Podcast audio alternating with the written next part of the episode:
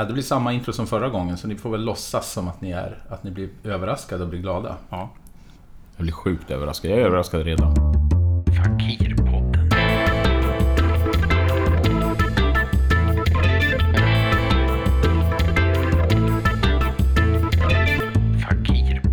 Idag träffar vi dockmakaren som driver ett okult museum. Vi träffar också konstnären och arkeologen som skapar demoner med sina bara händer. Välkomna till studion Oskar Heil och Jens Heimdal. Välkomna hit! Kul att ni är här igen! Tackar. Kul igen! Ja, det är kul igen. Nej, alltså det blev ju... Folk var ju helt eh, begeistrade över det här avsnittet. Det var inte jättemånga som lyssnade, men de som lyssnade var helt begeistrade. Så det är ju skitkul att vi kan faktiskt göra en del två om eh, Jens, Oskar och eh, okkultismen. Vi avhandlade ju ganska mycket förra gången. Vi pratade om häxprocesser och vi pratade om eh, underground eh, feministiska eh, rörelser på 1400-talet. Vi pratade väldigt mycket kristendom och eh, sådär. Eh, men vi kan göra så, vi börjar redan nu med att lyssna på vad folk, vad de är rädda för. Det låter fint.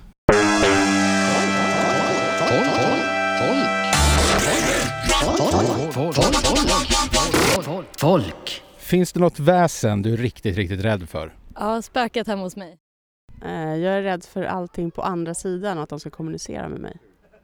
Älvor, de är elaka. väsen. Jesus slänger ut demonerna. Och djävulen. Gå inte till honom.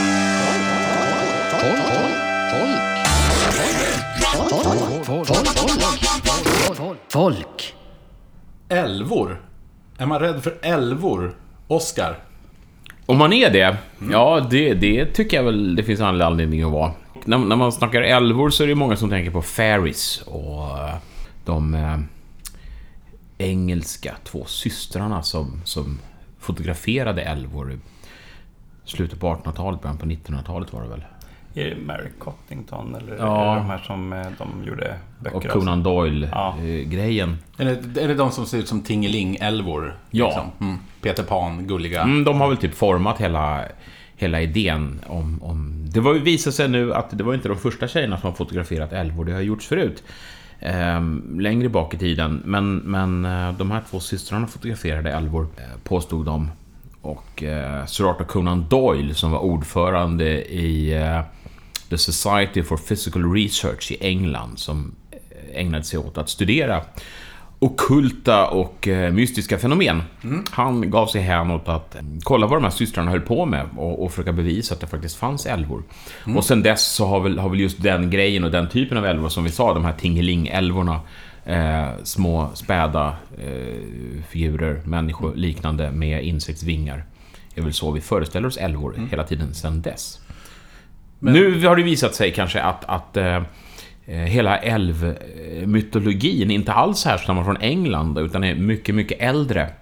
eh, Och kommer från Sverige och oftast från västkusten faktiskt. Ganska roligt. Den äldsta referens man har till... eh, Vilken är det Jens? Det, det är Alltså- ditt område med, med Ja. alvablotet. Ja, alltså, alltså, det som jag vet Nämns ju i en Alva... saga. Ja, det är ju... Är det inte det Olav den heliges saga? Det är ju norsk. Det är ju för sig den svenska västkusten. Nej. Ja, men det är ju Norge, Ja, det är, alltså, det är Norge. eh, Och jag tror att det är en Olav den heliges saga som är en sån norsk kristen kung. eh, Som vid ett tillfälle besöker... Nu kommer inte jag ihåg vad det här är, men det kan man ju slå upp då. Han besöker ett... Vi kan väl säga att ingen riktigt vet var det var, men det är någonstans... Jag tror att man vet vad det är. Men eh, ja, i alla fall. Där har de ett alvablot, alltså en sån offerfest då för... Där man offrar till, all, till alverna då, eller älvorna. Och eh, som är liksom samma ord, eller vad man säger. Det, sen finns ju det här, vad heter det? Eh, alltså det, i, inom den nordiska mytologin så har man ju också en särskild plats där älvorna bor, som heter Alvheim eller något Ja. sånt där. Älvdalen. Älv, Älvdalen. Jo, det, ja, där kanske de bor. Eller Älvängen också i, i Kan också ha något att göra med floder, vi vet inte. Nej. Men mest troligt älvor. Men det är ganska dunkelt vilka de här älvorna är som väsen på den här tiden. Ja, det här, om, om det här alvablotet som, som det tjatas alltid om i alla texter som en bra referens på älvkult. Så är det så att eh, man kommer till ett hus, knackar på dörren och säger ursäkta vi gör älvblot, stick. Och så slår de igen dörren. Och där tar historien slut. Så det är inte så, det är inte så uttömmande information vi får om den här älvkulten. Men Eh, varför man är rädd för älvor, det var väl det som var frågan. Och det, de, har ju en, de har en grej med tid. Eh, det finns en helt fantastisk engelsk bok eh, som heter eh, Problems with the Borderlands som handlar om ja, problem du kan ha egentligen när, när, när du bor eller rör dig i närheten av där älvor finns. För att eh, älvor har en förmåga att skapa portaler mellan sin egen värld och våran värld. Älvcirklar och allt möjligt. Eh, Just det, svamp. Det där svampar. Ja, svampcirklar. Det, som, Ja. det kallas för häxcirklar Häx- ibland också. Det är säkert någon svamp som Jens kan namnet på. Det är massa svampar som gör sådana. Mm. Ja. Ja. Typiskt jävla svampar. Ja, hålla på och bilda cirklar och, Ja. och skrämma slag på folk. i Hedliga skogsflanörer. Men, men... eh, Men jo. Folk som trillar in i de här älvcirklarna, de har en, en tendens att försvinna i tid på olika sätt. Och ibland så kliver man in i älvcirkeln och kliver direkt ut. Och så har det gått hundra år hemma. Och Det, alla det, man, det man kan säga här kanske, det är att den här cirkeln är alltså en dans som föregår. Kan, det kan vara det ibland. I vissa sammanhang så är den här cirkeln då svampar i spår eller liksom vår världs spår efter en dans som pågår eller har Ja, pågått. på, på en, annan, I en annan dimension då? ja, en cirkeldans. Eller i gränslandet mellan två dimensioner, Ja. skulle jag vilja säga. Och om man deltar i den dansen och är med där och dansar med de här älvorna så kan man uppleva att man gör det under en kort stund, så lång tid som en normal dans pågår. Och sen när den är klar så är man helt färdig och så har det gått, så är man gammal. Det är, lite, det är lite som Narnia fast tvärtom. Ja. Och det är inte helt konsekvent heller vad som händer. Ibland så är folk lika gamla som de var när de gick ut, men det har gått lång tid. Och ibland så är de jättegamla fast det har gått samma tid. Ja, precis. Alltså, det, här, det är lite stökigt. Så att därför finns det all anledning att, att ha lite respekt för, för älvor. Men, men visst har du väl också, var vi inne på lite förra gången, men det, det kom inte riktigt med då. men eh, var det inte de här offergåvorna också? Älvkulten, som man kallar alltså hur, hur man dyrkar älvor, den är ju kopplad till, eh, till eh, bronsålders hällristningar. Mm. Och framförallt skålgropar. Som också kallas för älvkvarnar. Och där har man gått, och man gör ju än idag, det finns ju, alltså det är rätt spännande, bara 300 meter från där vi sitter så Mm. finns det ett stort flyt, flyttblock med älvkvarnar i. Och går man förbi där idag så hittar du fortfarande små mynt Mm. som folk har placerat. En del är jättegamla. Eh, Jag gick där för eh, något år sedan och hittade liksom 50-öringar från 70-talet.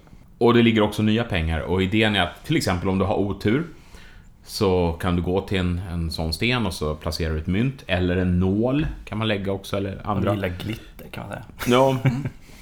Eh, Så lägger du det i älvkvarnen och då blir du av med din otur. Och om någon kommer dit och snor pengen, då får de all din otur. Eh, Men det så, kan också... så det är därför de ligger kvar, de här grejerna, så länge. För att folk vågar inte gå och ta. Förhoppningsvis. Det finns också berättelser att man offrar blod i dem. Alltså, Ja, sådär, om man eh, smörjer älvkvarnar kan man göra med, med fett, eh, pratas det om. Vilket också skulle kunna betyda olika salvor. Och det gör man ju också för att bota sjukdomar och allt sånt där. Nu är det ju så att det forna Norge, Sveriges nuvarande västkust, eh, har väldigt gott om bronsåldersristningar och skålgropar. Men det finns gott om dem här uppe också. Det finns en jättestor fin i, eh, i eh, Botkyrka och det finns här i Högdalen också. Så det finns massor. Det får du visa sen, för Det ska det låter jättespännande. Det är lite spännande. I den här mytologin kan man också säga att det finns ju en älvkung. Alltså det finns liksom ett, de har en slags hierarki. Och det finns i 1600-tals berättelser om hur, alltså då är älvkungen en av de här naturväsena, precis som Näcken och även Oden till exempel, som är en sån figur som även förekommer då. Eh, Som, som förför kvinnor. Som eh, det kan ha sex med. Sådär. Och, då, som, och som då av samhället tolkas som eh, djävulen helt enkelt. Men som i, i form av älvkungen. För det är ju väldigt mycket sådana locka med-grejer i, i nordisk eh, väsenskildring, känns det som. eh, alltså locka män. Vi har Näcken, vi har Skogsrået, vi har, fan vet jag, men älvor då, Mm, Lyktgubbar. Jag tycker att det är lite spännande för att ofta när man läser om hur djävulen lockar folk till sin församling. Mm. eh, Pratar, eh, ja men häxkulter. Så är det att, att eh, man går på ett kalas och blir bjuden dit. Och, och man bara liksom skriver in sitt namn i, i djävulens stora bok med, sitt, med sitt blod. Det finns en jättefin beskrivning från eh, Mockfjärd 1840 om exakt hur det går till. Och då, då rider man till eh, Johannesdal på ett kalvskinn eller baklänges på en ko, det är ju en klassiker. Så. Eh, och tydligen, lite sidospår, så var det så att alla männen i Mockfjärd, de var ju lite så här misstänksamma så här, "Ja, men min fru, hon är, alltså det är, det är något fel med henne. Hon är lite, lite eljest. Hon är nog en häxa. Och, och då var idén att om man satt ovanpå stocken som höll uppe kyrkklockan, det är en klockstapel i Mockfjärd, de har inget torn på sin kyrka. Eh, Men om man satt där på, då såg man när häxorna flög iväg. Det kunde man inte se annars för då var de osynliga. Aha, okej. så, så där trängdes alla, alla byns män då på 1840-talet. Eh, för att se om just deras fru skulle flyga iväg till... För då hade de en ursäkt liksom, att då var det inte... Eh, I alla fall, men när man kommer då till, till, till Johannesdal som ligger uppe på Bastberget. En bra bit därifrån. Då, då ska man eh, på, på lagom avstånd från Johannesdal så, så ska man eh, ropa Måtte djävulen ta mig. Och då svarar djävulen för Johannesdal Nog tar jag dig. Och då är man välkommen in och så får man skriva sitt namn i boken. Och där, där blir man bjuden på kalas. Man får äta och dricka och dansa och, och eh, ligga hur mycket man vill. En ganska schysst deal. Det är en schysst deal kan man tänka, men och jag, jag tänker lite så här, lite ledsamt och tragiskt kan jag tänka att, att eh, det måste betyda att, att allt detta var tabun på den tiden. Alla ville. Alltså säkert var folk fattiga och eländiga. Man kunde inte äta hur mycket man ville och dricka hur mycket man ville. Om man vill läsa mer om det så ska man eh, googla på häxdansen i Mockfjärd. Det är den, den eh, egentligen den sista häst, häxjakten i Sverige som, som händer. Det är ingen som blir bränd på bål eller någonting, men det blir, en, det blir en lång undersökning. Det finns rätt mycket skrivet om det, men det finns bara en enda text där eh, prästen som, som eh, jagade häxorna, han, han berättar själv om hela processen. Och den boken finns bara i ett enda exemplar och den boken finns i mitt Är det så? Kulta bibliotek. Eh, för han skrev en egen liten pamflett, för han fick nämligen sparken från kyrkan efter det här. Eller han fick inte sparken, men han blev omplacerad. Han fick inte vara kvar i Mockfjärd. Och Mockfjärdsborna skrev protestlistor för att vem skulle nu skydda dem mot djävulen? Den nya prästen, han var inte alls engagerad i det här häxproblemet, utan han tyckte att skärp er. Klättra ner från, klättra ner från min klockstapel.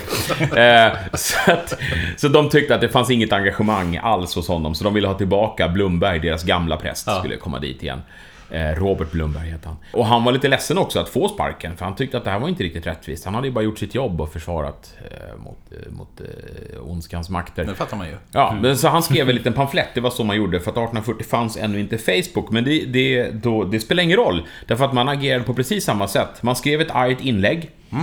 Men man var tvungen att trycka upp eländet i ett på ett litet papper. Och sen gick man runt och delade ut det och så kunde folk ge tummen upp eller liksom kasta något på en. Liksom. Så, är liksom vad man säger, 1800-talets pissränna. alltså, Ja, jag tycker att det är 1800-talets Facebook. Det är liksom, Ja, du går runt och ja. delar ut ett inlägg och, och så får du en like. Ja. Eller, eller en smäll på käften. Alltså på något sätt är det en mycket ärligare Facebook. Du måste ju vara där ute och fejsa folk, eller hur? precis. Ja, ja. Det är inte bara liksom sitta där som något jävla nättroll liksom, utan du måste ändå vara där ute på stan och vara det, är, det nättroll. är in your Facebook. Ja, det är som du säger, det är väldigt lockande. Idag kan man ha svårt att tänka så här, ja men vad, är, vad, är, vad var problemet då? Här i just i, i, eh, i häxdansen i Mockfjärd så berättas det också att bredvid eh, den svarta stugan i Johannesdal, där djävulen satt och hade sina fester med sina troll, så fanns det också en vit stuga som låg alldeles bredvid. Och där satt det några representanter eh, från eh, Guds änglar och grät konstant. Eh, Därför att det var så mycket människor som kom dit. Och, och inte så många som kom till deras stuga där man inte fick äta, dricka, dansa och ligga. Utan där fick man sitta och titta på änglar som grät. Eh, jag, ja, lite, lite tror jag de kunde ha jobbat med sin marknadsföring. Det, men djävulen vann. Och det är ju, det där är ju lite konstant. Det är ju med, med skogs, skogsråt, det är också väldigt mycket Ja, hon är ju Sex. jättesexuell. Ja. Eh, också ett ganska bra exempel på hur en så att säga, demonisk figur beskrivs som... Eh, det är ganska vanligt att, att när, men, när kyrkan beskriver, när de, när de beskriver de här folktroväsendena så att säga, då gör de ju det som demoner och så översätter de det till liksom den säga, skolastiska idéerna om, alltså när man, när man har alla de här antika källorna från eh, Rom och Grekland, eh, som ju är auktoriteter, liksom, så ska man liksom fusa det med, eh, med, krist- med den kristendomen som rådde då. då är det, det är liksom skolastiken då. Och då tar man ju in de här, alltså idén om de här fauner och nymfer och såna här saker som Mm. finns i, de, i den klassiska världen. Så översätter man det direkt till, men det är samma sak som... Det är bockfot och det Ja. är... Ja, Och det, är, rået och, ja. precis, och det är demoner. Det är ju, det är liksom i, krist, Mm. i liksom demonologin då, så är det olika former av demoner. Och då är de här, då finns det ju en speciell demonklass som, av, av kan man säga, knulldemoner. Alltså, Ja. Som alltså är då Incubus och eh. Succubus. Det. Precis. Ja, just det. Alltså det, vilket i princip betyder den som ligger under och den som ligger över. Enligt så här, någon slags normativ bild av hur sex går till. Okej. Eh, Men i princip kan man säga att Incubus, en Incubus-demon då, en Incubi, är en, är en manlig eh, sexdemon och en eh, Succubus är en kvinnlig eh, Okej. sexdemon. Då. Ja. Mm. Eh, och, och då är sko- eh, rået är helt enkelt en sån. Och eh, det som kännetecknar en demon i bland annat det här, det är ofärdighet. Det är ju hennes eh, ihåliga rygg till exempel, som man ibland Den, har. precis, det, det är faktiskt en ganska läskig. Jag tycker det är läskigare än barkryggen. Ja, Nästan jag så. håller med om Ja. det. Jag Och rävsvansen tycker jag är lite Ja. sexig nästan. Så där är jag, den är jag Det för. finns, finns många på klubbarna vi går på som... Ja, som det är lite det här, rävsvans. lite miau fast hur säger Men det finns en räven? fantastisk, det, det, det finns en så jättebra historia om skogsrå som jag gillar. Eh, med en, eh, en kvinna som har eh, en man som är, är skogshuggare och har dött. Och hon står nu ensam med tre barn och ingen försörjning och mannen är död och det är elände. Och hon står i sin stuga och gråter och gråter och gråter. Och då kommer skogsråta och knackar på dörren och undrar vad är det för liv? Vad gråter du för? Så, ja, min man har dött och lämnat mig med tre barn. Va, det är väl inget att gråta för, säger skogsråt. Mig har han lämnat med tolv. Så att så gick det Ja, till i ja. de värmländska skogarna på den tiden. Det är hårt. Och sen, och sen är det ju berg, alltså de andra rån, alltså det finns ju råar som då tillhör olika. Det är ju bergråt och eh, sjöråt till exempel. Det finns för olika material. Bakelit vet jag inte om det. Men, men eh, ja. Sjö- Sjörået, är det då den kvinnliga mm, motsvarigheten till Näcken då, eller? Ja, lite, fast mer bunden till, till havet också. Vet- Det finns berättelser om säljägare till exempel som måste offra till sjöråt och ibland ska ligga med henne då också, eller tvingas göra det. Och då finns ju Silkis som är skotska versionen som är... Där, där finns det roliga berättelser. Det, finns, eh, det, är- det är präster som berättar om det här då, på 1600-talet framförallt. Uh, och där man liksom pratar om det här som att det här är ju vidskepelse. Som... Men det roliga är att en del av de här prästerna, liksom, jag, jag har själv sett, men, jag har själv sett sjöråt. Eh, men det är ju bara djävulens bländverk, men jag såg ju henne. Alltså, vilket, vilket blir en jätteintressant... Eh, Paradox så. Ja, det är en paradox. Han berättar väldigt detaljerade historier om hur de är ute och fiskar säl och får någon liten säl. Med, med någon sån här... Inom säljägarkulturen så var fanns det tydligen vissa män då som var nästan lite magiska. Så att troll, eh, eller vad man ska säga. Som var extra bra på det där. Och så är han ute med en sån och de fångar någon liten säl. Och sen så, ja, så ser de en kvinna med långt hår och som står naken i vattnet och säger till den här säljägaren att ja, den där, du får, den där behöver jag. Eh, Du får tillbaks eh, mer än du ger mig. Och säljägaren stjälper då den här eh, dödade säl, lilla sälen över till henne. Och den, den ska du få, säger han. Så, så åker de iväg en liten bit och så får de då tre eh, större sälar eh, för det. De var tvungna att jaga dem, men, men de får det i alla fall. Ja, det var en bra fångst. Ja, det var en liksom. bra fångst. Och den här berättelsen, den återger den här prästen liksom som att ja, men det här är ju, det här är ju djävulen som håller på liksom. Eh, Ja. Så, och det, det, det går liksom in i, i, den, i den bilden. Så det var ju självklart liksom att det var det som hände. Och det, det beskrivs, det är ganska intressant. Eh, det finns beskrivningar om hur det känns att ha sex med de här väsendena också. De har, eh, och det är framförallt från, från kvinnornas bes- beskrivningar. Och det här gäller faktiskt hela Europa, eller i alla fall det jag känner till.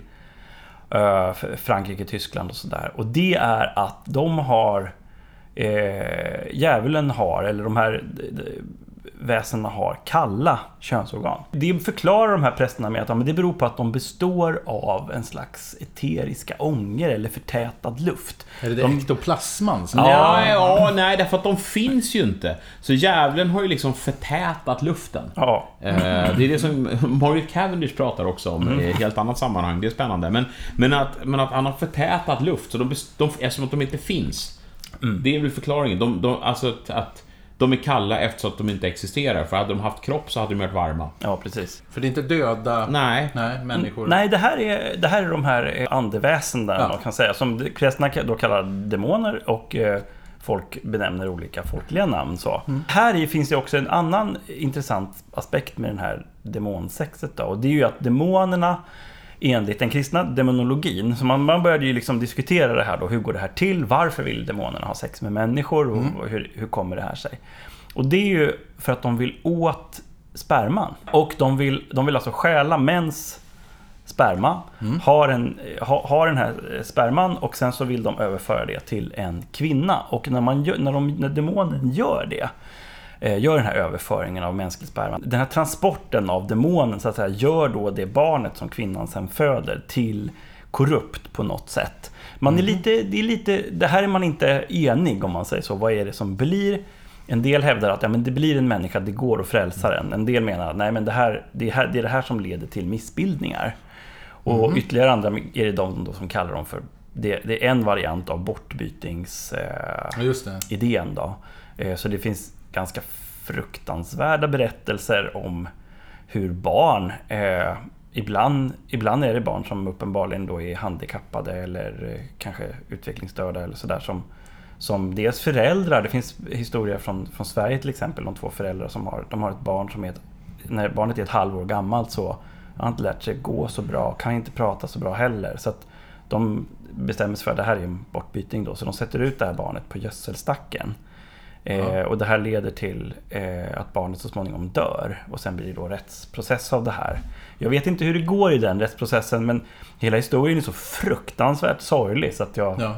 Alltså, Men det finns ju många sådana där, där, där, det, där, där det pratas om att om man, om man misstänker att man har fått en, en bortbyting, alltså ett barn som inte riktigt duger helt hundra, så, så ska man vara fruktansvärt elak mot barnet. Ge det för lite mat. Ja. Slå det ofta. Därför att då kommer trollen att komma och hämta tillbaka sitt barn. För att man är Och så, så- och så dåligt behandlad. Ja, för att, för att det är dåligt behandlat och så får du tillbaka ditt riktiga barn. Ja, okej. Mm. Och det här förstår man ju att det här är, det är, inte, det är Nej. inte en bra metod. Och för de som, eh, jag såg ju så här, nyligen var det lite så här propaganda för Luther på tunnelbanan när Svenska kyrkan gjorde någon kampanj. Och då kan man säga, Luther var ju, han har ju liksom, han skryter ju själv med att han vid ett tillfälle, nej, nej men han vid ett tillfälle så förespråkar han att en 12-årig pojke som han hävdar är bortbyting ska dränkas. Eh, nere i Tyskland då, så hade det så här. Ja, ganska, ganska obehagliga historier det här. Nej men bergtagen kan man ju bli. Och bergtagen be- betyder att man försvinner ner till de underjordiska eller så här, Ja. in i berget bland Sen, bergatoller. sen Roswell så kallar vi väl det för, eh, för alien abduction. Ja, Eh, för det är ju alltså... eh, På, på den tiden var skogen det stora, Mm. det stora mystiska och, och nu har vi liksom, nu skiter vi i skogen. Nu är, det, nu är det rymden. Så nu bor trollen i rymden och kommer Just hit och, och, och, och bergtar oss. Det finns en ganska kul berättelse om en... Alltså det fanns väldigt olika syn på hur funkade det liksom. Det finns ju många av de här... Redan från vikingatiden beskriver man att de döda bor i bergen. Mm. Inne i bergen bor där liksom det underjordiska riket och sådär. Eh, och även naturväsen och så beskrivs som bor i Bor i underjorden, ja, de är underjordiska. Det finns en ganska kul beskrivning av en klok gumma, eh, också svenskt fall. Det är en e-, liten egen variant på, som jag tror är unik för henne. Hur går det till när man kommer i kontakt med de här väsendena? Hon menar då att varje människa har en slags spegelkropp som är underjordisk. Så att, så att, så att säga, när Martin går, går omkring på jorden så under Martin, under dina fötter, så står din spegelsjäl. Fan Din underjordiska Ja. spegelsjäl Mm, okej, som ja. står rakt ner i marken och har fötterna på dina fötter så att säga. Om du utan att tänka dig för går omkring i den överjordiska världen så kan du föra spegel, den underjordiska spegelmartin till platser där det finns underjordiska väsen som blir störda av att spegelmartin kommer dit. Och då råkar också du illa ut. Men om Spegel-Martin hoppar fallskärm, Men då är det så här naturvetar-Jens som hittar på då att Ja. i så fall så hoppar även spegel... Ja, då är spegelmatten ännu mer djupare. Ja. Ju högre upp i luften du kommer, desto djupare kommer spegelmatten ner i, ner i jorden då. ja. Så det är, lite, det är lite... Det kan vara riskabelt att flyga kan man säga. Ja, det kan Och- det verkligen ja, vara. Ja. Ja, men det är, men lite Du är så. på väg till Thailand och glassa och Spegel-Martin i Dantes 19 cirkel och tycker att livet inte alls är speciellt bra. Och tycker att du ska... Det är därför folk har sån jävla ångest ofta när de kommer hem från Thailand. Det är det som är ursprunget till flygrädsla. Det är din spegel, Ja, spegelkropp är- som har nu, skräck för nu, kommer, demonerna. nu, nu känner jag att det händer här nu. Nu kommer vi på grejer. Ja, men det här kan vi, det här kan vi bygga en, en, vi en utveckla. sekt på. Och, Ja. och, ska, äh, men en terapiform menar jag förstås. Tidelag är en sån gammal klassiker. Om man ligger med djur så riskerar avkomman att bli ett monster. Ja, ja. Det är vanligt i delar av landsbygden med korsning mellan människa och får. Är det någon form av eh, typ preventivmedel för att inte ligga med, med djur då? Eller att Det finns också texter som förespråkar det här. Jaha, okej. Eh, då, då får vi gå tillbaka längre i tiden. Mm. Eh, det finns en, nu kommer min favoritbok här. Det är, det är den så kallade Kons bok, eller Liber Vaccei. Eh, Som, det är ett arabiskt manuskript från början, det översätts till latin och sprids ganska mycket i Europa och finns på många kloster. Vilket, när, när är det här då? Det, det sker på 1200-talet, översättningen. Så pass länge sedan alltså? Ja, och sen är det 1300-talet framförallt och lite 1400-tal. Det är alltså innan det är. allmogetiden. Ja. Eh, Den här boken en beskriver en otroligt annorlunda form av magi. Eh, som man inte riktigt... Den är svår, väldigt svårplacerad liksom, i en idéhistorisk kontext kan man säga. Den, eh, det har ju, en forskare eh, från Holland tror jag hon är, hon har gjort en koppling till en form av... Det finns alkemiska idéer i det här. Eh, och den, den delen av alkemin som ägnar sig åt organiskt, det organiska, så att säga, och eh, det finns idéer som är kopplade till det här det som kallas för spontan generering. Alltså man tänker sig att, man tänkte sig att liv uppst- kunde uppstå i lera till exempel. Alltså i gyttjepölar och lerpölar så kunde man såg ju hur fluglarver plötsligt började leva i, i, i liksom komockor och grejer. Sen försvann larverna och sen så var, var de borta och så ur komockan så uppstod det flugor. Och ur de, ur de här idéerna kom idén då med liksom att värme och organiskt material, liksom bakning sådär, kan, kan, kan, kan föda liv. Då. Och den här boken då, den beskriver hur en trollkarl, alltså en, en magiker, kan eh, skapa monster. Eh, och hybrider, det kan vara en fisk till exempel med mänskligt ansikte som man dör om man ser. Eller en ko med ett människohuvud. Som då har egenskaper så att om man eh, slaktar den här kon eller gör vissa saker, plågar den eller sådär, torterar den så kan man eh, göra oerhörda, oerhört stor magi med det där. Det är ganska otäckt. Och besk- alltså metoderna för att skapa de här monstren innefattar tidelag. Väldigt explicit beskrivet hur man ska göra. Så explicit så att jag faktiskt inte vill prata om det i den här podden. Hur man ligger med djur för att kunna Ja, i, deta- magi. i detalj. Olika saker. Saker man ska stoppa i olika hål djuren och eh, i vilken ordning. Och Den är rätt unik, måste jag säga. Så Jag sitter här och, och sneglar på min Occult Lovecraft-bok som ligger bredvid mig.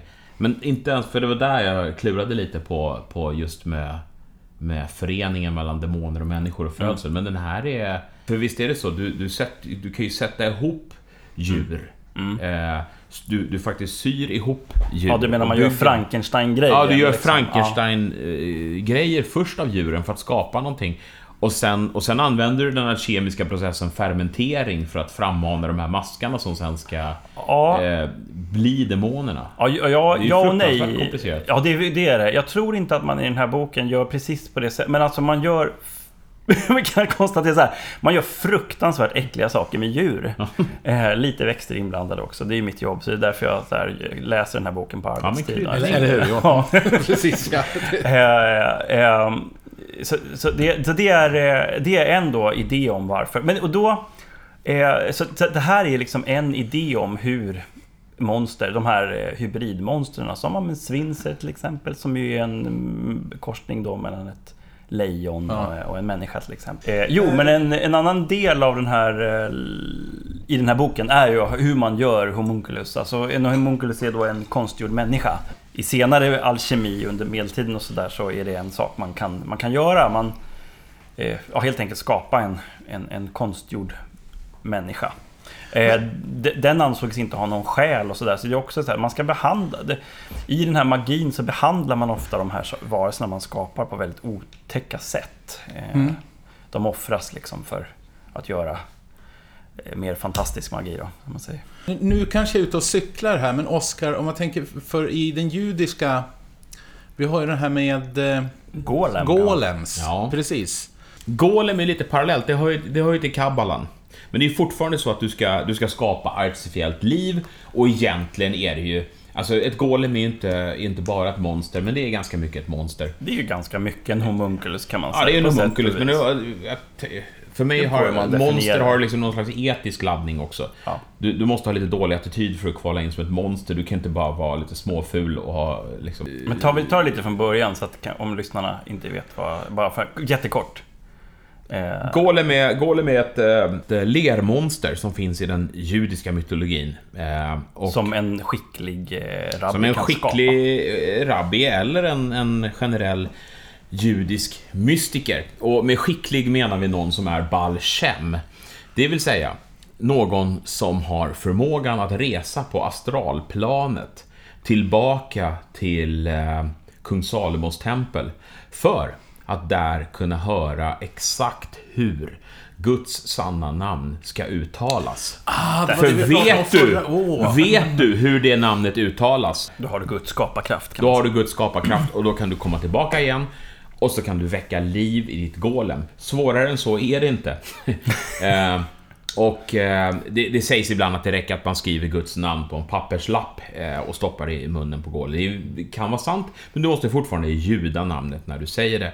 Eh, och eftersom att hebreiskan är lite mystisk på det där sättet, som att du inte skriver alla bokstäver som du säger, så, så kan det vara lite svårt. Men det gör man i alla fall. Och det, det här är också kopplat förstås till eh, blåsa liv och hej och hå. hela. Det finns ju tillbaka i Genesis liksom, hur man gör. Adam, alltså Gud blåser sin ande i Adams Just näsa. Ja. Och det gör, det gör då rabbinen eller Balshem. Men- är och det därtill det- skapar Adam av lera. Ja. Just det, det är men, men blir det inte så att den här rabbinen då, eller blir det inte den att den tar Guds plats lite grann och skapar liv? Att det blir alltså lite grann hybris-grej där? Ja, jag vet inte. Han har väl liksom på något sätt... En del tycker Guds det, ska vi säga. Ja, Men det det- finns väl ja, folk... just det. Ja, nej men det finns väl folk som inte har varit genom historien alltigenom positiva till judisk mysticism.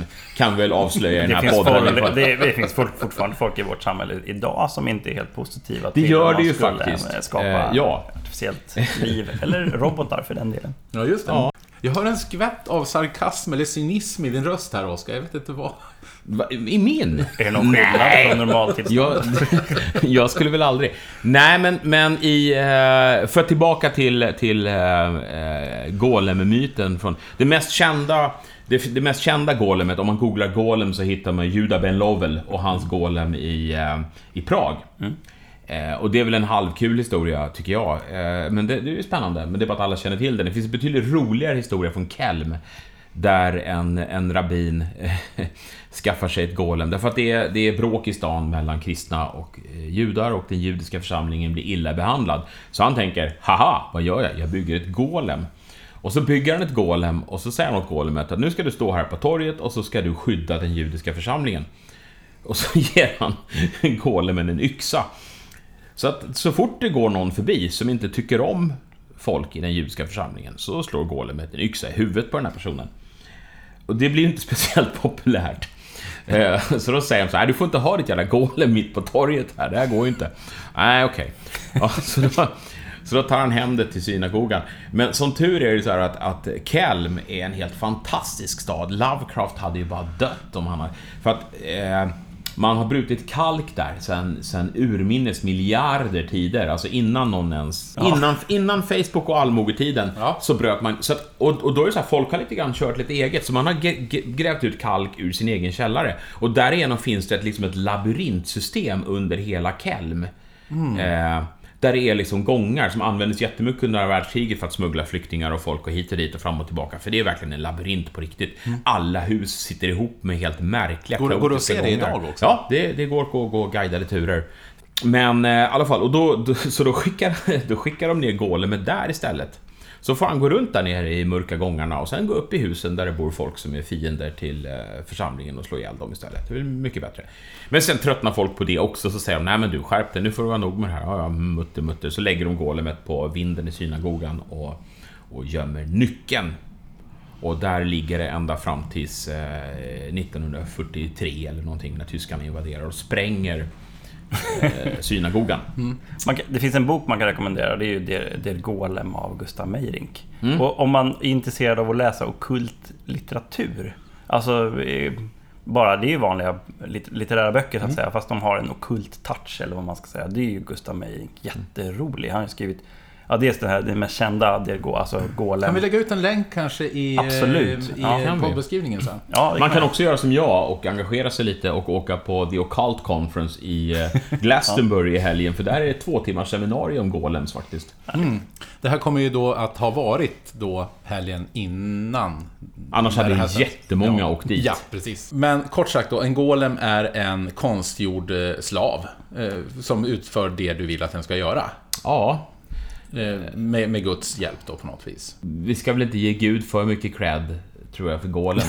Alltså, Gud har släppt loss förmågan och kraften liksom. Men det är som, att, ja, men det är som att skylla allting som går fel med, med Microsoft på Bill Gates. Han, inte, han har inte varit hands-on på allting. Vissa grejer bara händer, det blir. Ja, det är, Eh, ja, ja, men det är ett försök att replicera, replikera Genesis liksom och få Mm. en eh, tjänare alltså till människan då. Ja.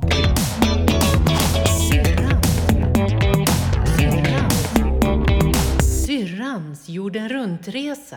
Men du har ju varit runt eh, i princip hela världen, nästan. Men har du några länder du inte har besökt? och Några drömresmål? Jag har inte varit i de nordiska länderna förutom Sverige.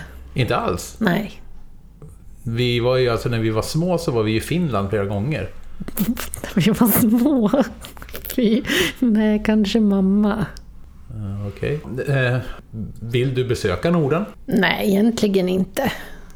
Det Okej. verkar ju ganska bla. Mm. Eh, Men eh, Asien är ju ett outforskat område. Okej, typ Japan och mm, japansk matkultur och sådär, typ sushi och... Ja, men då ska det vara färskt. Doften är ju inte så mysig. Nej, okej. Något annat, något annat eh, matrelaterat du vill prova eller så? Ja, de här tibetanska munkarna har jag hört talas om. Mm. Eh, Att de ska vara bra. Men det jag undrar, det är ju liksom, jag hoppas att de kommer med glasyr. Ja, jag, har- aldrig hört talas om dem, men det säger att de är bra så är de väl säkert bra. Ehm, jag har ju alltid, sen jag var liten, har ju ett eh, drömresmål för mig varit att ta del av Borneos djungel och djurlivet där och eh, orangutanger och... Fy vad perverst! Alltså bara för att det är lagligt i Sverige. Jag fatt... Ehm, men du syrran. Mm. Nästa gång Ja. så pratar vi om något helt annat. Ja!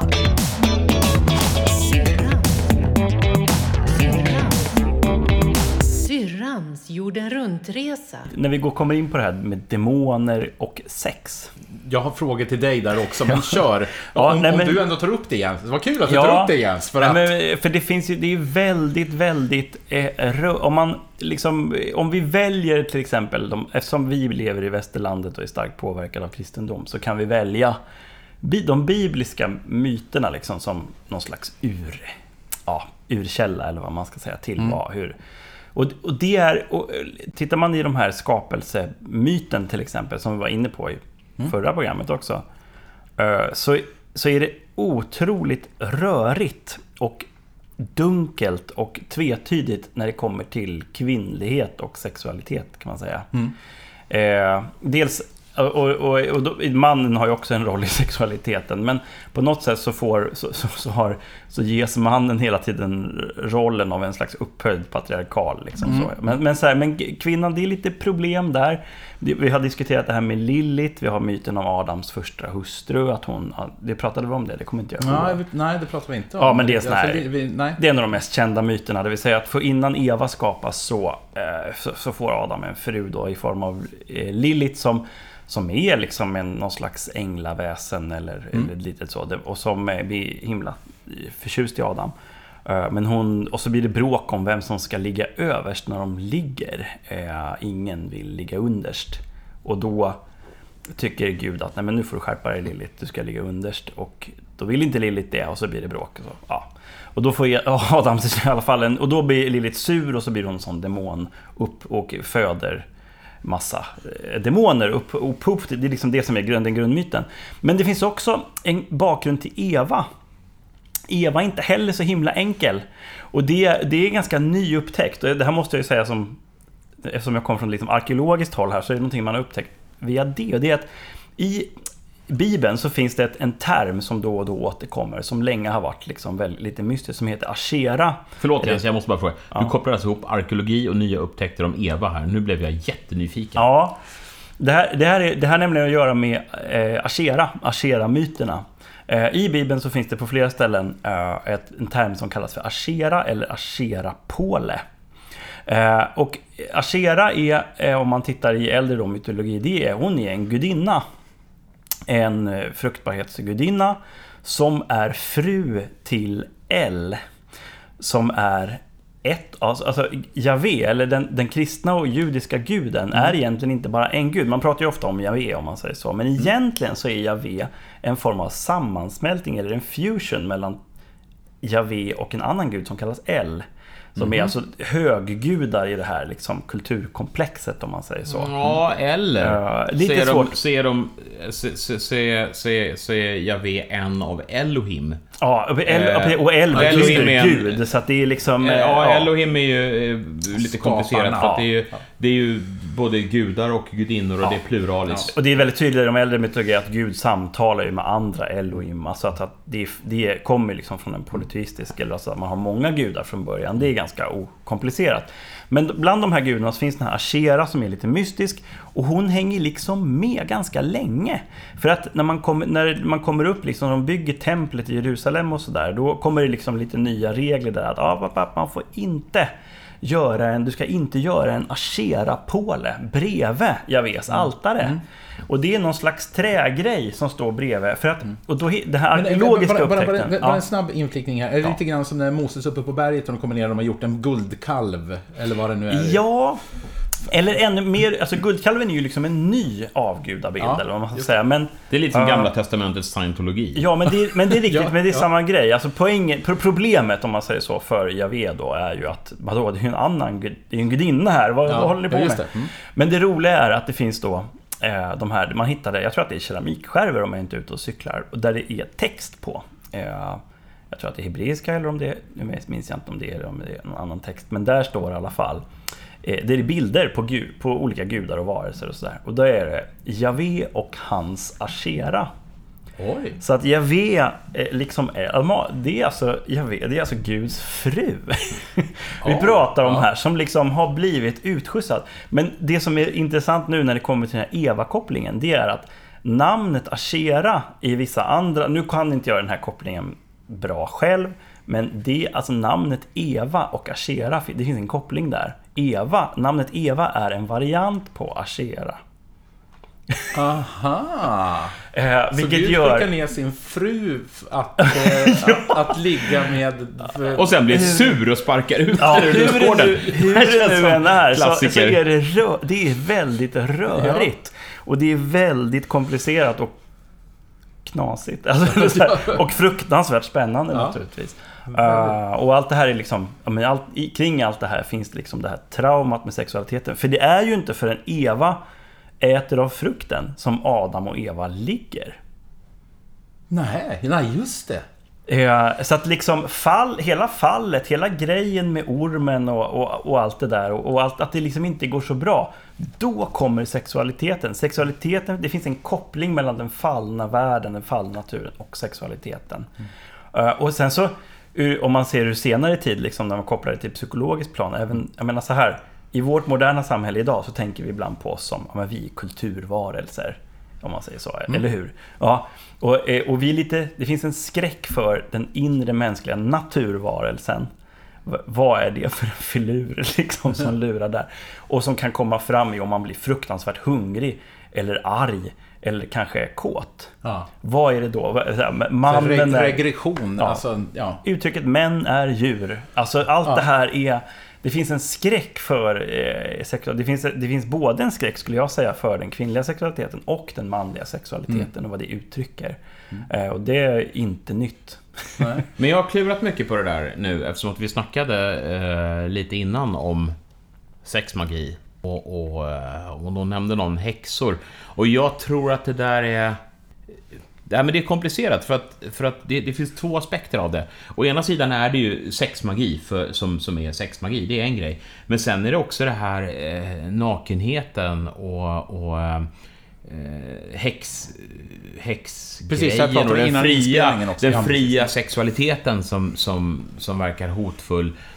Och där tror jag att det är, det är två saker med det. Alltså det. Å ena sidan är det det vi pratade om med, med det här överflödslockelserna med djävulsdyrkan.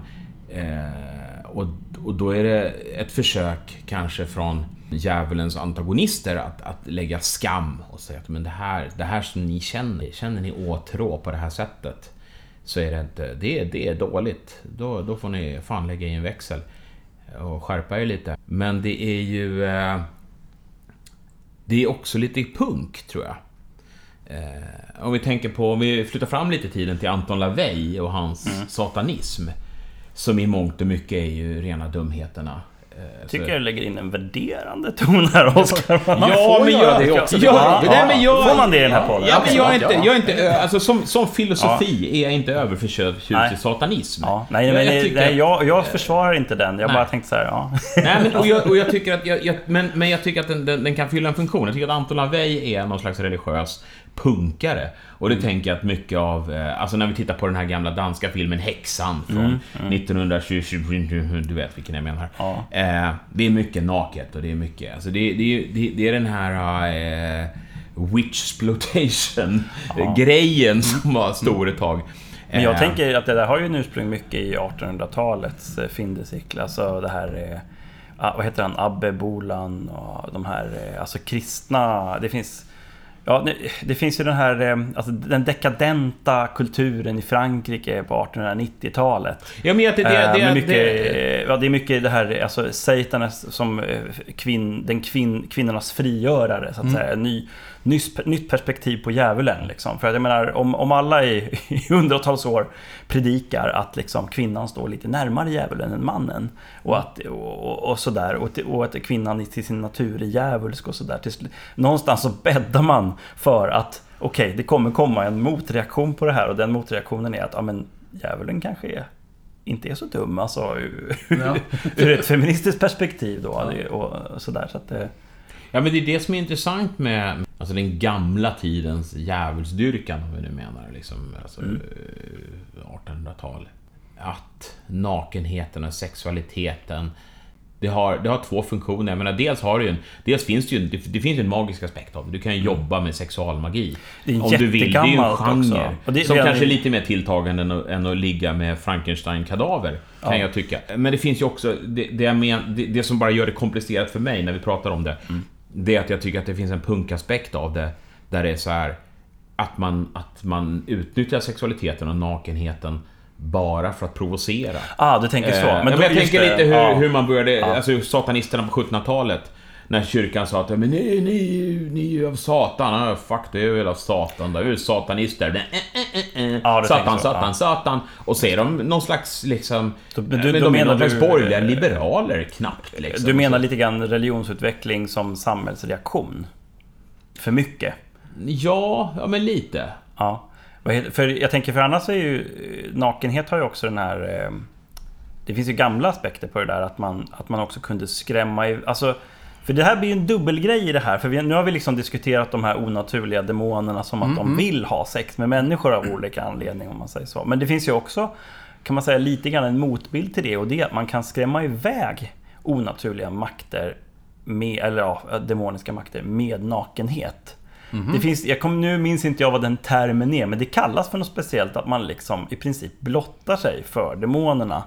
Eh, och att man använder det som en, alltså för att skrämma iväg. Eh, och det finns ju de här på, i Irland är det vanligt. De heter eh, Sheila, mm, någonting. Jag kommer inte ihåg, det kallas för någonting. Det är, det är stenfigurer som sitter på kyrkor som är eh, små, ganska groteska kvinnor med jättestora vulvor. Som de liksom bänder isär och visar för betraktaren. Eh, som man inte riktigt vet var de kommer ifrån och vad de står för. Där man liksom har, och där har man diskuterat, en av tolkningarna av de här då är att det är att de, är, att de skrämmer iväg onda makter. Eh, att uppvisande av, av kön är inte bra för, för den onde. Om den blir, liksom blir överraskad av det, om man så visar sig i sin nakenhet. För Det demonerna också- gillar ju också att visa sina kön. Det är inte... Ja, nej, precis. Det är, men det, och det är också där i, en, i, i den kristna demonologin så menar man att så menade de ofta att, att demonerna hade ingen sexuell lust, men de ville ligga.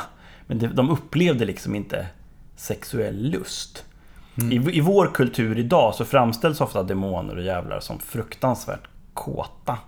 Men, men tittar man i äldre liksom, kristen mytologi så ska de inte ha varit det, om man säger så.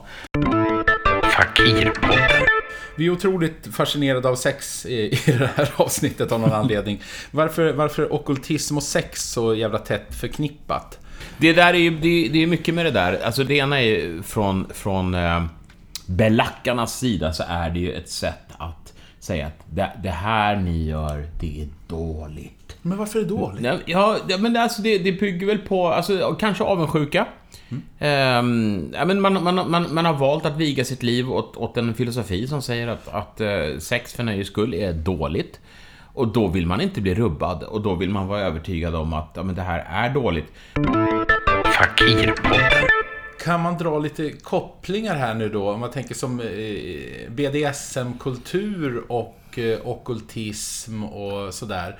För det finns ju inslag även av profana grejer i, i BDSM. Ja, men det finns ju en, det, det, finns ju en stark eh, rörelse inom ockultismen, eh, inom många grenar. Att du behöver befria dig själv från den profana världen och att du framförallt behöver befria dig själv från ditt eget ego och dina föreställningar om dig själv och du behöver, alltså, och därigenom att, att djupdyka i allting som världen runt om dig tycker är norm och framförallt allt det du tycker är norm. Där har ju Alistair Crowley framförallt gjort ett namn för sig själv. Att verkligen djupdyka i allting som är tabu. Ha sex med män, äta bajs, eh, ta droger, eh, skriva konstig poesi. Bara för att liksom på något sätt... Det är det du pratar eh, om, liksom punk-grejen. Ja, fast punk... Nej, nej, nej det är det inte Men det inte faktiskt. där utan finns- utan det här, nu, nu menar jag mer att du tar ett så starkt avstånd från hela världen. Alltså, du, du, alltså det här stoppa världen och kliva av, det var det Alistair Crowley gjorde. När, när han... Han gör bara allt och, och går ut med det och gör inga hemligheter. Det finns ju ett fantastiskt rättsfall när han blir anklagad för, för allt möjligt och för förtal och han stämmer en författare för, för förtal. Och de säger att ja, nej men vi är helt med. Det här, är- problemet är att du har gjort allt det här. Så det, är- alltså det är inte förtal, vi är hemskt ledsna. Men det... ehm, det, är- det är en reningsprocess, kan vi säga. Alltså att, att gå igenom allt det här. Så att på ett sätt finns det en koppling till BDSM-världen, fast på ett sätt finns det också det inte. Därför att ifall att du är livrädd, säg att du är, är, är livrädd för BDSM-världen, och du testar det och inser att det här är inte för mig, men att du ändå går in i det.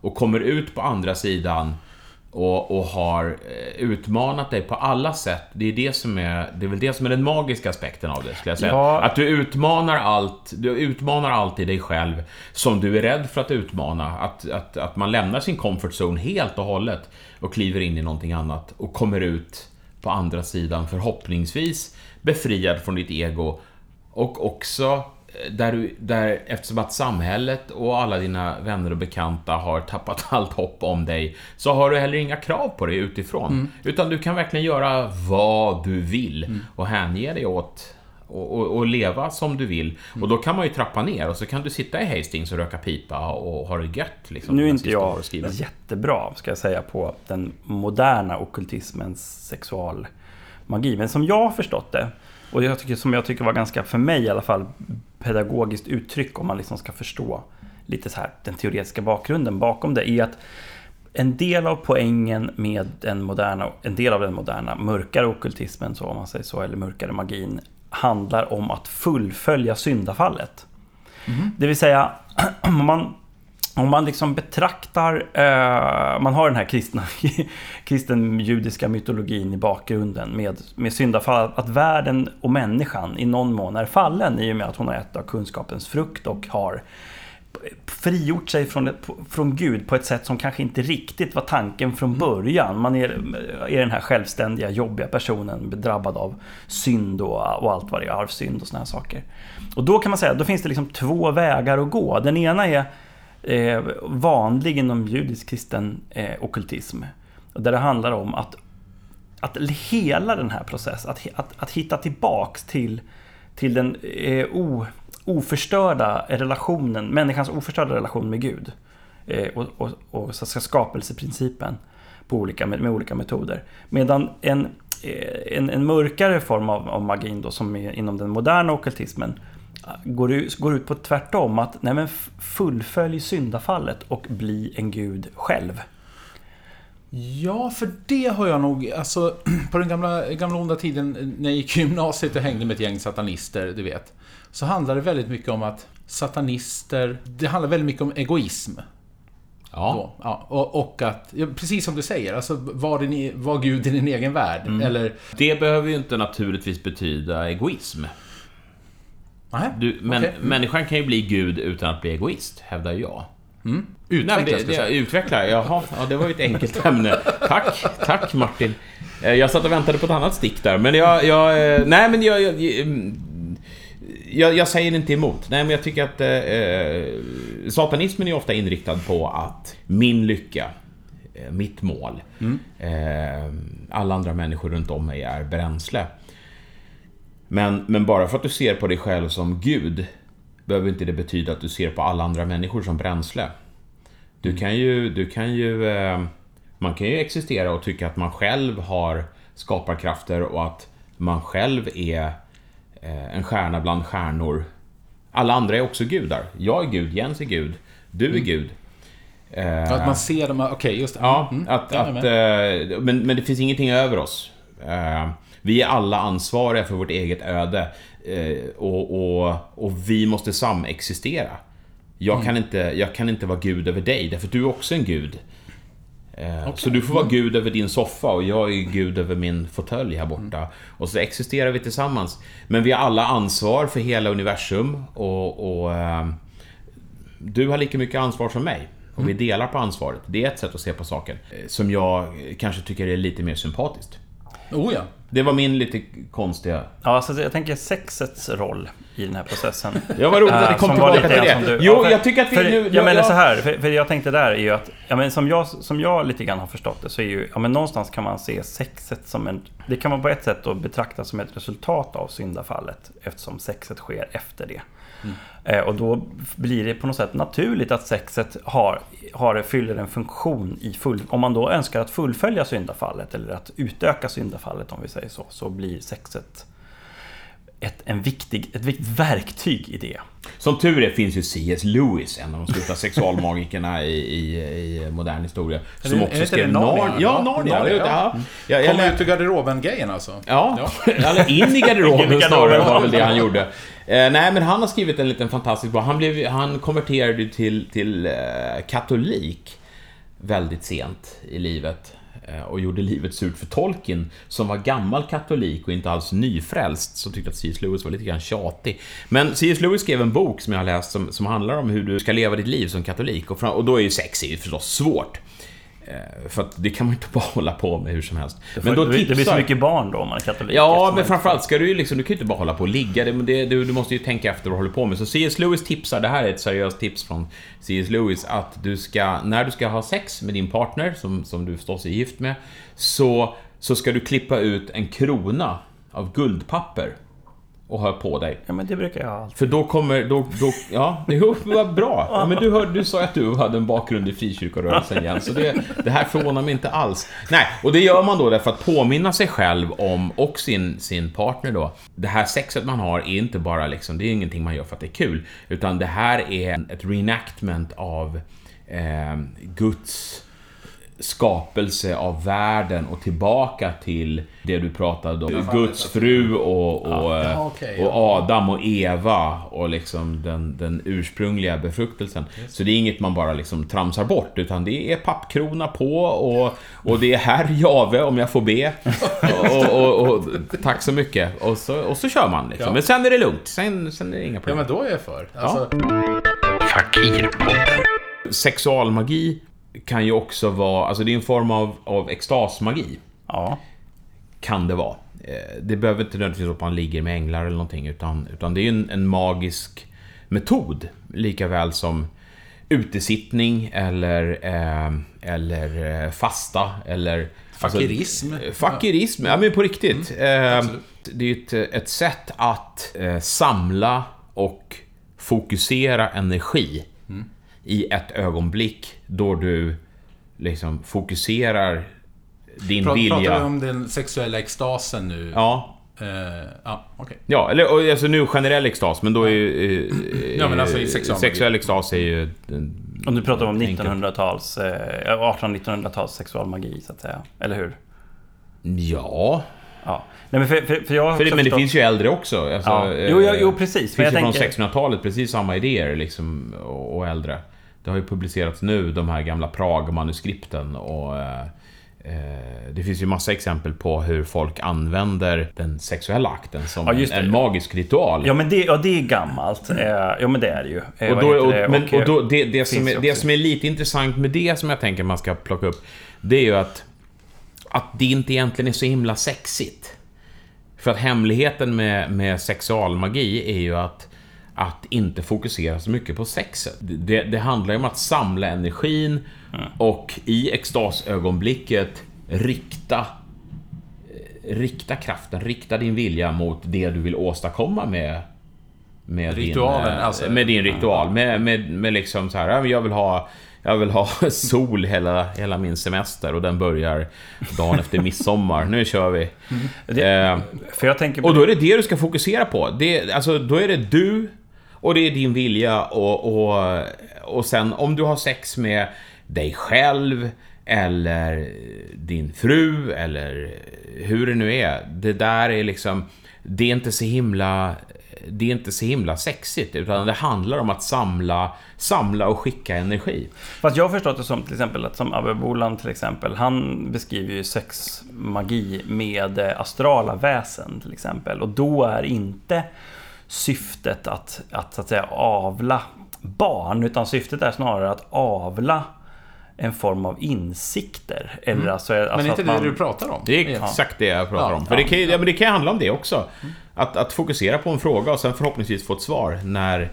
när Men, det- lite, men alltså lite grann som när, eh, på riktigt, många av de mest briljanta idéerna man har eh, kommer ju när man precis är på väg att somna ibland. Alltså, sådär, eh, att man när, man, när kroppen slappnar av, eh, när man släpper eh, det här dagens jävla göromål och allting det där, så... Men det här är ju det vi... Det, det, alltså, vi pratade förut om, om ett magiskt syfte med att, att bryta ner ditt ego. För det kan man ju uppleva när man har sex, att plötsligt så är det inte... Alltså du vet, det är inte... Eh, tiden stannar. Eh, Det spelar ingen roll, alltså, eh, man, man känner sig inte ful längre eller alltså du vet eh, Var man är, hur man är, allting är bara cool. Du är i ett tillstånd där du har släppt ditt ego, du bryr dig inte riktigt om vem du är och, och, och, och hur det är. Allting är bara sjukt lugnt. Och det, det är, så det, det, det är några mikrosekunder av att släppa egot. Så det är ju det här magiska ögonblicket som, som man inom många magiska rörelser jobbar med, fast då vill du att det ska hänga kvar längre liksom. Ja, men sen tar du en cigg och så går det över och så är det liksom, så är det... Så är man lite... Det du beskriver och- nu, det är så roligt för det här är ju också, det här är ju väldigt, så här, väldigt välbekant inom biologin. Och det är någonting som man verkligen kan tänka på när man ser, ibland, ibland när man liksom pratar om djur, när djur har sex, så, så liksom, då pratar man ja det är instinkter och grejer sådär. Men det är ju verkligen, det handlar ju om att de här djuren, det är ju njutning. De känner, det är ju någon form av extas de upplever. Och jag- bland de roligaste, det är ju så här, alltså för oss människor när vi tittar på vissa djur så gör de så knasig sex. Till exempel spindlar, där liksom eh, spindel, eh, bli, blivande pappan, pappa spindel, eh, så här, eh, ja, gör, eh, onanerar lite och spinner in sina eh, spermier i ett litet paket. Och sen så springer de iväg till den här stora, stora farliga honan så här och bara nu gäller det att stoppa in mitt lilla paket i henne innan och sen bara dra innan hon checkar upp mig för det här är, det här är farliga grejer, hon är stor och farlig liksom. Och, och honan är så här, ja, ja, vad kommer där? Det kommer lite käk liksom. Så här, ja, vad gott det här ser ut. Men det verkar ändå lite mysigt att någonstans få, om han ska stoppa in sitt paket. Kanske, jag vet Ja, inte. ja. Så här, för det finns, det finns någon ömsesidig här, även hon upplever någonting och så liksom Och han säger åh, åh, det här är verkligen... Och så, uh, så lämnar han sitt paket och bara drar. Och det är så här, det är verkligen, och det är skitfarligt. Han blir ju verkligen ofta, ganska ofta uppäten efter det där. Eh, Men, men ändå gör han det. Och det är ju för upplevelsen av, just då glömmer lilla spindelpappan att han är en individ och vill bara överleva och ha det soft Ja. i världen. Utan det är så himla värt det. Och stoppa in det här lilla, lilla... Och det där förenar ju de två liksom, stora eh, magiska metoderna som är alltså död och sex. Jag är lite intresserad här Jens om din konst. alltså, eh, speciellt ett verk som du håller på med här nu, den här vagina dentata-grejen. Mm, vad är det. för någonting? Det, alltså, det är, Ja, det är det. jag får erkänna att jag inte, inte, jag är inte hundra påläst på hela den här grejen. Men det, vagina dentata, alltså det är eh, en eh, vulva eller ett, ett kvinnligt könsorgan försett med tänder. Ja. Eh, Det finns ju en uppenbar liksom så estetisk likhet mellan en, en, en vulva och en mun. Med läppar och öppning så att säga. Och det- Salak. Ja, ja Sarlacc, ja precis. Igen. Ja, Sarlacc alltså i Stjärnornas krig, det här monstret i marken, är ju ett ganska bra exempel på en sån vagina dentata. Eller kan man säga det som då. Eh, som jag har förstått det som så finns det, jag tror att det här är antikt. Att, eh, att det finns från, beskrivet från grekisk mytologi. Eh, och även senare eh, eh, att eh, vissa väsen har haft, att det finns kvinnor som har haft eh, en tandförsedd en tandförsedd fitta. Slida. Ja, precis, ja, precis. Alltså, och, och det, där blir ju det blir ju extremt tacksam liksom så Den ultimata manliga kastrationsångestgrejen Ja. och den ultimata eh, kvinnliga försvaret mot eh, ovälkommen, ovälkommen sex. Så. Eh, eh, och, eh, det, det är en bild som används ganska mycket inom konsten och sådär. Och det finns också moderna rykten om att häxor har haft den här typen av underliv då. Ja, men min egen fa- fascination för det där, det var, det var faktiskt... Jag, jag, från början, jag är så, jag är så oerhört... Eh, o, o, eh, jag är så oerhört oskyldig och frikyrklig i min grund, så att jag har liksom inte förstått min egen ikonografi. Så det började med att jag fick göra... Jag fick den stora äran att göra, att, att göra omslaget till DN Kultur vid ett tillfälle. Fick jag skryta om det också. Ja, I alla fall. Men det omslaget höll på att stoppas. För att deras bildredaktör ansåg att hon sa citat Den här bilden ger oerhört obehagliga sexuella associationer. Det här kan vi inte ha. Eh, men den fick ändå, till slut blev den publicerad för att den bildredaktören var, in, jobbade inte när, under publiceringsprocessen sen. Så, att- så det var ju bra. Eh, och jag, det hade Fin- inte Finns jag... det möjlighet att lägga ut den här bilden i poddbeskrivningen? Ja, absolut. Det, kan, ja, absolut, det gör det. Och, alltså det. och det var, när jag gjort den här bilden så hade inte jag tänkt på det här. Sen kom jag på efteråt så här, det föreställer en, Edvard, en kvinna i så edvardiansk klänning som tittar på fallosliknande saker som går in i en skreva. alltså så här, så det, det, ja, jo men absolut. Man kan, man kan, och, när jag, jag, jag blev så, för jag hade ändå, jag har någonstans, jag har liksom inte, jag har lite svårt för det här med konstbegreppet. Jag har mer sett mig som illustratör eller vad man ska säga så, lite så här väldigt starkt präglad av fantasy och det som inte är betraktat som fin, fint måleri. Men om, men om vi lyssnar Men- på, alltså, alla måste ju lyssna på förra avsnittet här där vi pratar mer om din konst. Men där, där är ju också, det är ju inte, jag är illustratör, men du pratar ju väldigt mycket om alltså, vad som utvecklas i mörkret i din fantasi och Jo, sådana där saker. jo, jo, men det- saken är ju den att när det gäller om man säger, den djupa delen av det här, så det, om man nu säger att konst är djup och illustration, eller att det är ytligt, så jag är väl inte riktigt... Jag, eh, jag får väl erkänna att det är väl, det är väl konst då. Men, men, Det var inte men, meningen att sätta eh, dit dig, men... Nej, nej men, eh, ja, nej, men okej då. Ja, ja, det, jag får väl se det sådär. Men, men sen, sen det där hände, sen den här historien med de här med den här oerhört obehagliga sexuella... Alltså jag, jag blev väldigt upplyft av det. Mm. Och tyckte liksom att, vad, vad roligt. Det, är så här, det går ju att se jätteroliga, knasiga sexuella saker i, i de här bilderna. För jag får erkänna, när jag, när jag var tonåring och ritade, så då ritade jag ju mycket naket, om man Mm. säger så, och gjorde den grejen. Och sen, sen dess har jag väl lite blivit trött på det, kan jag säga. Mm. Jag tycker inte att det är rikt, det är inte, mitt, det är inte min uttrycksform att göra sexy sexy, om man säger så. För Mm. inom den här, inom hela den okulta bildskaparvärlden så är, finns det oerhört mycket naket och sexy sexy, om man säger så. Det är väl inte riktigt min... Men Väldigt mycket inom fantasy så är det Ja, ju, det är definitivt. Men även liksom den okulta goth-traditionen och liksom det är absoluta anspelningar till BDSM och ja, mycket så. Eh, Men det, det, ja, det är inte riktigt min grej. Då. Men då har jag liksom tänkt, eftersom min fascination ligger åt det här lite mer biologiska, jag gillar de här jag gillar de här slemhinnorna och öppningarna och det där, det där som kanske inte riktigt är for- formbart sådär på... Det kan man lägga in där. Och där, då ingår liksom vagina dentata i den här... eh, Så att, ja, det, det finns ett monster jag bygger då som har en sån. Mm. En väldigt tydlig vagina dentata som mun. Mm. Eh, så. Och det här kränker mig lite, måste jag säga. För att jag, alltså, jag, jag, jag har efter, efter lång tid har jag lyckats liksom samla bland några, av de, fan, de ondaste objekten i, i, i eh, den magiska världen som jag känner till. Och ett grymt ockult bibliotek. Alltså jag, har, jag har 200 kvadratmeter lokal med, med ren ondska. Och där ligger Jens monster placerat i ett hörn. Och det är det enda folk tittar på. Och det enda folk pratar om när de kommer till min ateljé. Och alla bara... Vad, i- vad är det här? Vad har du gjort? Bara, nej, det, är, det är en kompis till mig som jag... Jag har inte... Nej. Så att det, men det är kul att du har lyckats Jens. Ja, det är kul vara roligt. Ja, nej, Ja. men det är kul. Nej, men jag är så, jag är så välkammad så att jag behöver, behöver göra den här vagina dentatan känner jag. Ja, nej, det är roligt. Det här är, det här är ett eh, fantastiskt avslut på en fantastisk uppföljning eh, på eh, vårat förra. Uppföljning tycker jag är ett starkt ord. Jag känner att eh, till nästa säsong, är ni med på en eh, nummer tre? Lätt. Då fördjupar vi Achera-pålen. Då kör vi. Ja, jag, är mer, jag är mer inne på, på, på eh, tidelag med Frankenstein-kadaver. Ja, vi kan, ju- vi kan göra en högläsning av Liber Vaccae. Ja, oh, gött! Vi gör radioteater!